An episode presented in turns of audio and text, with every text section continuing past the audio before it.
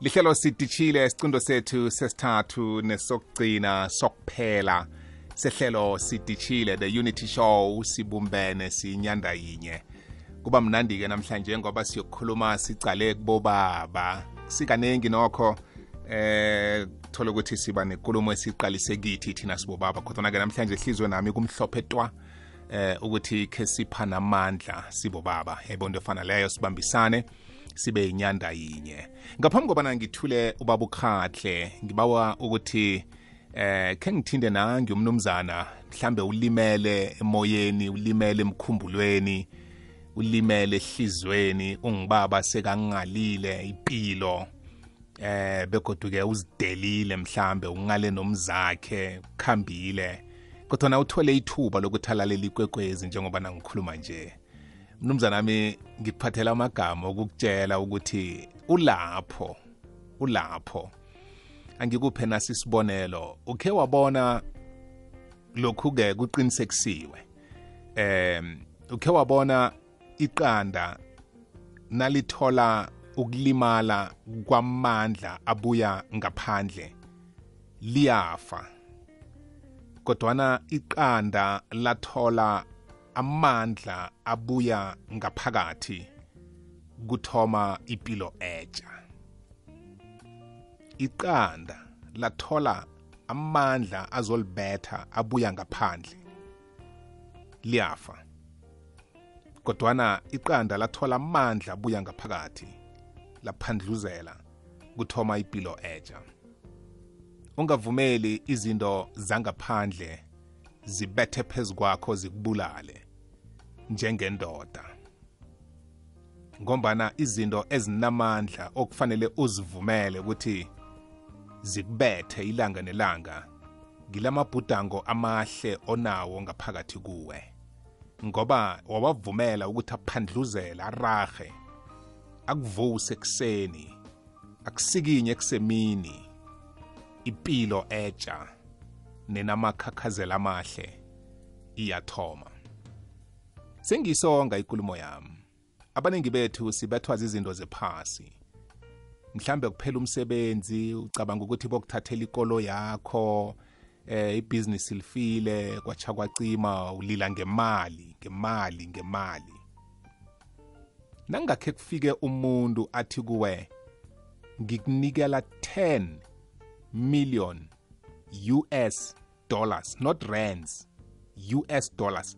Ungiphe amehlo akho womabili. Ungamnikela?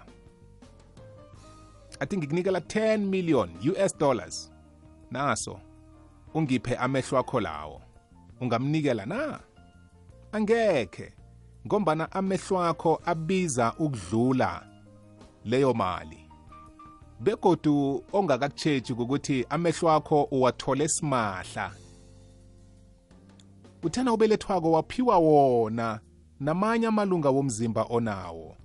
Zonke lezi zinto lezo ziligugu kuwe. Ngeze wazithengisa ngenani elithileko. Akunantengo engathenga wena. Ayikho. Kungakho mna kwethu namhlanje ngithe angitshideze ubaba ukhahle azokukhuluma nathi ngezempilo ukwenzela bona sizithande kwamambala.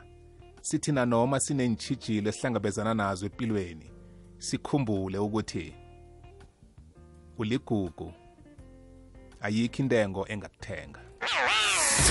Landela ikwekwezi fm enkundleni zokuthintana ukubana ikwazi ikulandele nawe. Instagram at ikwekwezi fm ubusuku baphakathi kweveke ngebokwakha isitshaba sivuke sisitshathe sikwazise ngengorho esiphila nayo nangekolo yawo sizigedlile ngomvulo bekubenkulusine nomindlo labo sihlezi emzuzwini elithumi namibili bethile isimbi yesibili. Babukhahle ngiyakulotshisa ngiyakwamukela kukwekwezi fm hayi ngiyabonga mhlekazi wami nisaphilile mkhulu hayi siphilile ndebani ngiyathokoza ngiyathokoza. Ngiyazi bona sewuzithathela umhlala phasi sawusekhaya kodwana likulumo engikuletha kiyo namhlanje uyayazi uyisebenzile iminyaka eminingi. Awu over 30 years. Ah over 30 years. Ya eh babukhatle ngiyathokoza. Bona usiboleka isikhathi kusemini nje. Sizokhuluma ngezempilo kithi sibobaba eh inyanga esikiyo le yaka October inyanga khulukhulu ecale godu ukuyelelisa nge ngekankere eh kithi sibobaba.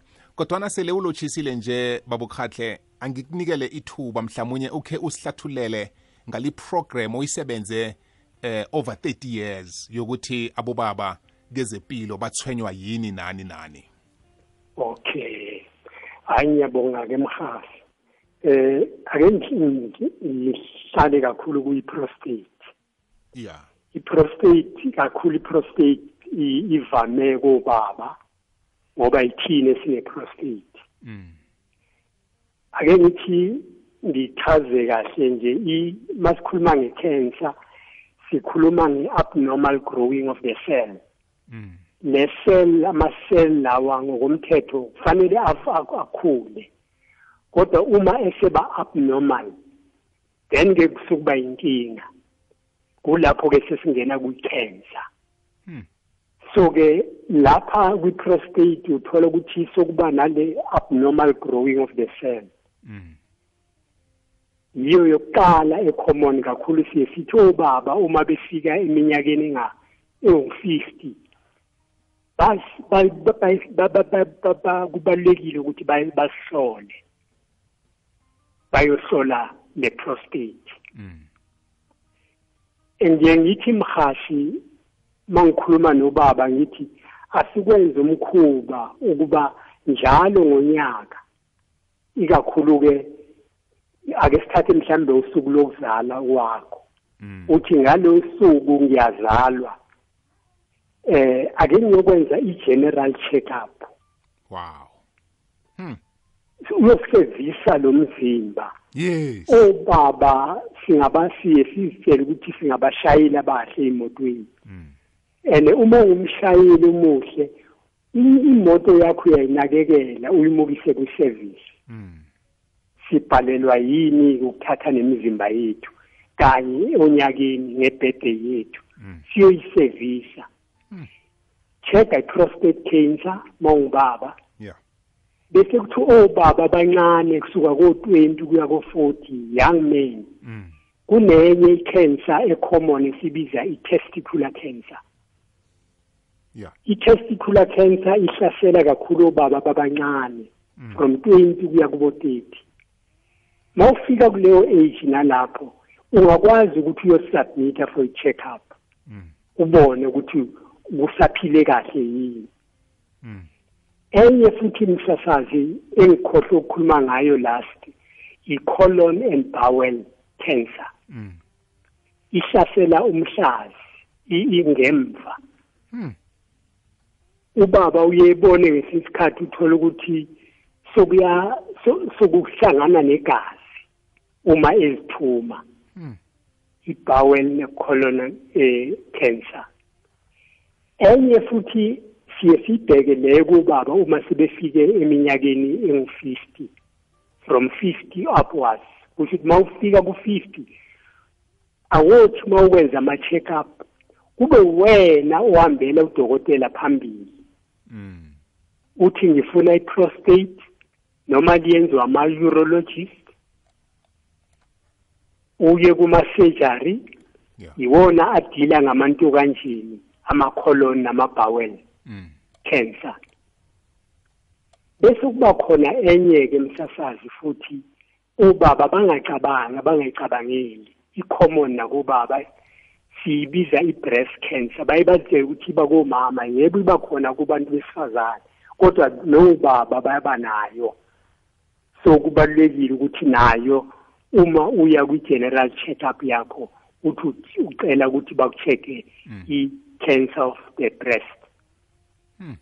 Bese kuthi kobaba abancane futhi la kubo 36 ba i-common i-cancer of the skin. Uthola ukuthi umuntu uba namabazi. Mm. kakhulukazi mangabe zoba ahlala endaweni enelanga. Mm. so ke i-skin cancer naso si-common endaweni yakithi. So yizo kakhulukazi ama-cancer lawo abalulekile senzayo bese ngiza ekuthenini si- ake sithathe nje mhlambe i- i-colonel cancer ne-bowel. Singayivikela kanjani? Yeah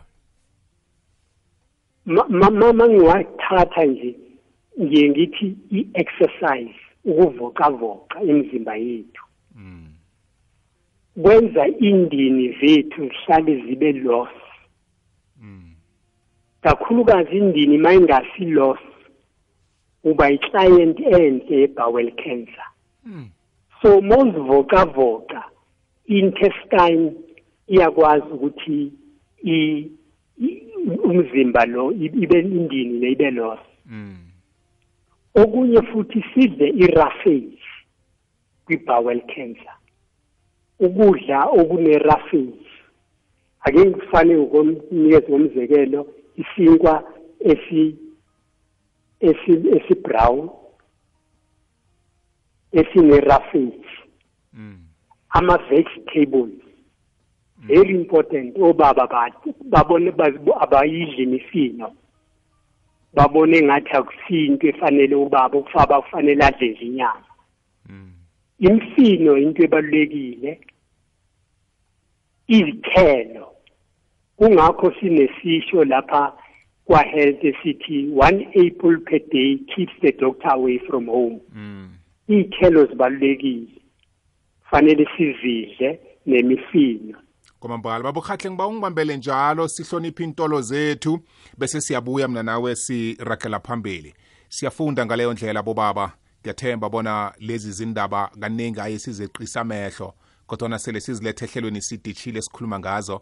Uyakhona ukukhumbula ukuthi eyi konje nangibelethwako kufanele ngiyokubona udohotere khe ngiziseyivise nami. Kiwo woke amalunga womzimba khe ngicale ukuthi kunani kunani. Ngiyithandile leyo nkulumo siyabuya. Sibuyile sihlabela phambili nehlelo sidishile ikwekwezi fm babukhahle ngiyathokoza ukungibambela. Bowusaragela phambili unga- ungachubeka okay. Eh bengisakhuluma ngokudla imifino iy'thelo zibalulekile. Nakuyi-prostate cancer kungakho siye sikhuthaze nokubaba ukuthi itamati elilodwa ngelanga kwi-prostate lingadlala indima enkulu kabi kwi-prevention. Hmm. so uyayibona ukuthi imifino ibaluleke kangakanani. Mm. so obaba kufanele siyithathele phansi imifino asidle kahle. Size ngisakhulume nge-colon cancer. Enye into ebaluleke kakhulu obaba basela amanzi msasa. Mm. amanzi very very important. Mm. amanzi masiwaphuza sisithi okungenani umuntu? Akusele eight glasses ngelanga. Mm. mawukhona i-two liter kodwa i-eight glasses is a minimum. Yenzele indini le. Ikwazi ukuba ihlale kahle ngoba uyabharelwa Mm. angazi ngakubeka kanjani Yes, kodwa uyomelela Mm. so amanzi masingawadeleli Mm. asebenza indima enkulu kabi emzimbeni yethu Ngiyakuzwa, ngiyakuzwa. eh manje ke babukhahle kunabanye um abasele bakhokha igwayi eh umuntu uyazama ukulisa eh nakho lokho kungaba nemthelela yokuthi angazifumana necancer Eh, ikakhulu i-cancer nayo iye bakhona lapho siye sithi kuba khona i-cancer of the esophagus ibangwa kakhulu ukukhokha Ukho- ubabizani yawo ukubhema mm. uma ubaba engakaqali ukubhema hlalela kude nogwayi makukhonakala Mm. uma sowuqalile zama ukuthi wehlise Mm. kuneziningi-ke ezingahle zibe khona namaphaphu isifo zamaphaphu Mm. eh kwi- kwi- ekubhemeni kunama-chemicals amaningi angaba yingozi emzimbeni yethu Mhm. Manje ke So- nasibuyela nasibuyela kancane babukhahle ngicolise lapha ku ku prostate cancer. Ku- Yeah. Kunama kunamathwayo, kunama signs mhlambe engakhe ngithi ayangikhomba bona eh ngathi angisafani naphambilini senginomraro wokuhlambuluka kuhle njengaphambilini kwi- kwi- kwi-prostate cancer yes ya amasayini abakhona uzothola okokuqala nje uzothi uma ngabe uya endlini yangapha yangasese uthi uyawuqindi ufuna ukukhipha umchamo i- isinye masesigcwele bese kuba nzima ukuthi uphume lo mchamo mm. Leyo isayini enkulu kabi ongaqala ukubona ngayo ukuthi unenkinga okwesibili ufise kwangathi ungaya endlini encane kort kort ungakwazi ukubamba ukuchama isikhathi eside Mm. yinsu yamaphawu lawo ukuthi khona osecishe kushaya amanzi Hmm. once mase kunjalo mosha ungabe usamosha isikhathi iya uyo- uyofuna usizo. Yini engaka enza bobaba sisabe ukuyozihlolisela i-prostate cancer? Eh babokhahle osele ukubonile mhlambe indlela ehlolwa ngayo esetshenziswako namkha sekudonda nje kwethu sibobaba? Ake ngithi okokuqala nje mina ngibona ukudonda kobaba. Babone ngathi umtholampilo akusinto efanele obaba. Iphuthe elikhulu kabi mm. number two indlela ebihlolwa ngayo besibiza udunudunu mm.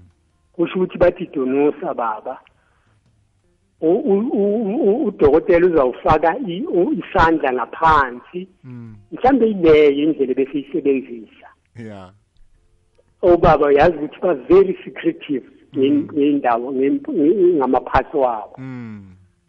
Kodwa ke ezinye zezinto sizenza for the sake yokuthi sifuna impilo yeah yeah ngoba bazokwazi ukuthi bayidetecte kalula uma befake isandla ngaphansi entokanjeni mm. that's why sithi bathi dunudunu Mm. izwakala masishane Mm. kodwa ke manje mhlambe obaba baba kodwa kufanele sizifundise ukuthi ezinye zezinto for the sake of our health kufanele sikwazi ukuthi sisekhame sizenze Mm. Mm. babokhahle isikhathi salako eh bekukunenge Yeah. besingakukhuluma mina nawe kodwa ke ngiyacabanga ukuthi sithinde konke okuqakathekileko nokuyelelisa bobaba nazize endabeni zekankere eh kilinyanga isikiyo ngomzuzwana wodwa nje nakuthi kukhona uthanda ukuthi ukudlulise kungasaleli ngap- ngaphandle bese sibanikele indlela mhlawumbe otholakala ngayo abobaba bangazibuzela bese ukwazi ukubanikela impendulo nokubasiza. Ake ngithi nje ngigcizelele lephuzu lokuthi obaba kanye ngonyaka asisubmit imizimba yethu for general check-up. Ngifuna ukugcizelela lokho. Kakhulukazi umuntu abheke ibirthday yakhe aye ngalolo suku azalwa ngayo ayokwenza wonke lama-check. Maningi nisasazi ukuthi isikhathi asikho. Kodwa maningi kodwa ke sikhulume nje ngekankere. Yeah. wonke lamakankere acommon kobaba mm. mm. ngiyabonga.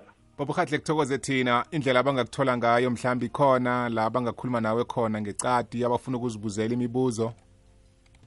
Aha noma yikuphi ngisekhaya nginankinga. Umuntu angangithinta nginangxaki alright so ngayo amagama nabafuna iimfoni zakho singabanikela hawu ungabanikela ngomoya omuhle wesonto ngoba sifuna sihashe ulwazi lolu. Alright siyathokoza. Ya okay Ngiza- siyabonga. ngizababizela zona ngaphambi kobana ihlelo liphele. Hayi siyabonga baba. Sithokozile babukhahle nibe nemini emnandi. Siyabonga Simbi. sithokozile. Ngubaba ukhahle mlaleli kwekwez FM nokho-ke sewathatha umhlala phasi wabukhahle kodwana-ke usebenze kuhle khuluma mbala naziza ehlangothini-ke lezempilo eh kibobaba yezwa nje wathinda woke amahl- amahlangothi wekankere aye isithinde sibobaba. Esinye isikhathi usuyezwa mani usunepeyinanyana lapha nalapha usuyadonda uthi hayi izakukhamba izakukhamba izakukhamba. Uthi e-e ungalindi ukuthi izakukhamba sikima. Eh ukhambe uyo- uyo- uyozihlolisa ukwazi ukuthi-ke uphile. Ngiyacabanga ukuthi seniphethe iphepha nomsobo inomboro yakababukhahle ngu-083 249 1372 083 249 1372 ubaba omkhulu eh ngibaba simhlonipheni bakwethu nesikhathi esimfonela ngaso sisihloniphe naso. Ungase ufone sekusebusuku ngo-12 ebusuku uh, ubaba vane sekalele ngaleso sikhathi. Isikhathi semini kwazi ukukhuluma naye kuhle akuphinyeleliso eh nemibono eza kusiza ngekezempilo